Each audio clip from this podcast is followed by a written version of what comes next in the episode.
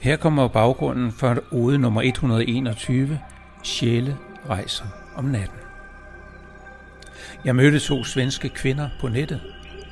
Dyreelskere og flittige skribenter som jeg. De havde aldrig fået udgivet deres skriverier og var ikke i en økonomisk situation, hvor de kunne gøre det. Så jeg besluttede at lave en bog med dem, med os alle tre. Den kom til at hedde Sjæle rejser om natten og så i parentes nordisk version. Fordi jeg forestillede mig, det var sådan, vi mødtes. En nat over det mellemste Sverige. Tre sjæle på rejse. Vi fandt sammen. Da jeg skulle lave min anden samling af udvalgte oder, blev jeg nødt til at tage dette tema op igen, fordi det virkede så stærkt på mig. Jeg måtte skrive en ode, der forklarede, hvorfor sjæle rejser om natten – og den er lige her. Og derfor er der to helt forskellige bøger med titlen Sjæle rejser om natten. Her kommer ode nummer 121. Sjæle rejser om natten. Jeg sejler. Jeg sejler afsted. Lad mig føre i den tavse, mørke og trygge nat. I det uendelige univers. Jeg svæver, flyder, næsten som i vand. Alle bevægelser er mulige.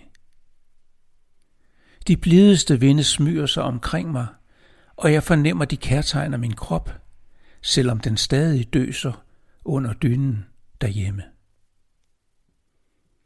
Jeg rejser. Jeg, sjælen, rejser. Oplevelsen er fuldstændig. Intet kunne være mere fuldstændigt, mere komplet. Intet, overhovedet intet, forstyrrer denne aldeles guddommelige rejse. Jeg mærker, at jeg bærer store værdier i mit indre. Noget, nogen har brug for, higer voldsomt efter. Jeg ved ikke hvem, ved ikke hvad, men disse værdier skal hjælpe med at bringe alting videre.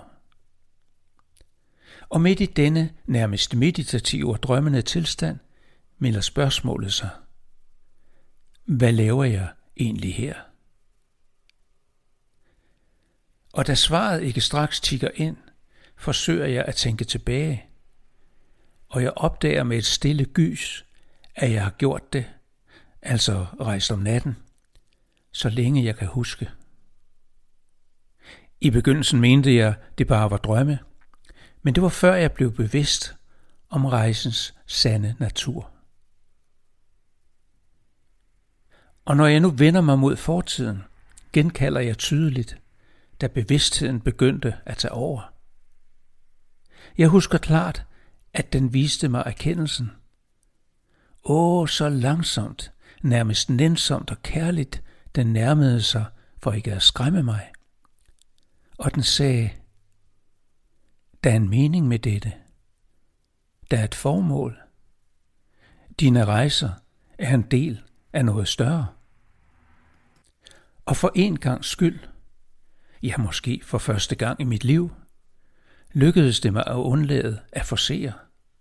Det føltes helt naturligt blot at være her. Bare i agtage og undres. Bare være. og alt imens flyder under og mirakler forbi mig, fra det mindste til det største. Jeg bliver vidne til konstruktionen af de fineste og tyndeste bitte små DNA-strenge, der med tiden vil betinge udviklingen for liv overalt i universet. Og jeg forfærdes over kræfterne bag skabelsen af stjerner, planeter og sorte huller. Og jeg oplever, hvordan hele galakser haster mod universets ydre grænser for at befolke det store ingenting. Jeg suger alting til mig, i agtager, undres og overvejer. Og bag det hele fornemmer jeg en, der elsker mig så meget, at jeg ikke kan lade være med at elske tilbage.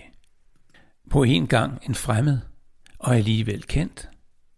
På en måde bare en væren, en tanke eller noget, der bare er. Så mærker jeg, at dagen snart bryder af mørket. Og fyldt med ny og vidunderlig viden om alting, sætter jeg kursen mod min hjemplanet. Vel tilbage i min fysiske krop, lader jeg tankerne bearbejde de mange indtryk en sidste gang, inden jeg søger hvile. Og netop i det øjeblik kommer erkendelsen til mig. Som en strålende sol hæver den sig over horisonten. Alting eksploderer. I rødt, så i gult og til sidst i hvidt, mens åbenbaringen viser sig og siger, der var en, der startede alt dette. Men denne ene, en ganske lille tanke, trak sig og forsvandt for at lade barnet, det skabte, vokse og udvikle sig i sit eget billede. Barnet har brug for sjælenes støtte, og derfor må sjælene udforske, erkende og dele. Og det er derfor, sjælene rejser om natten.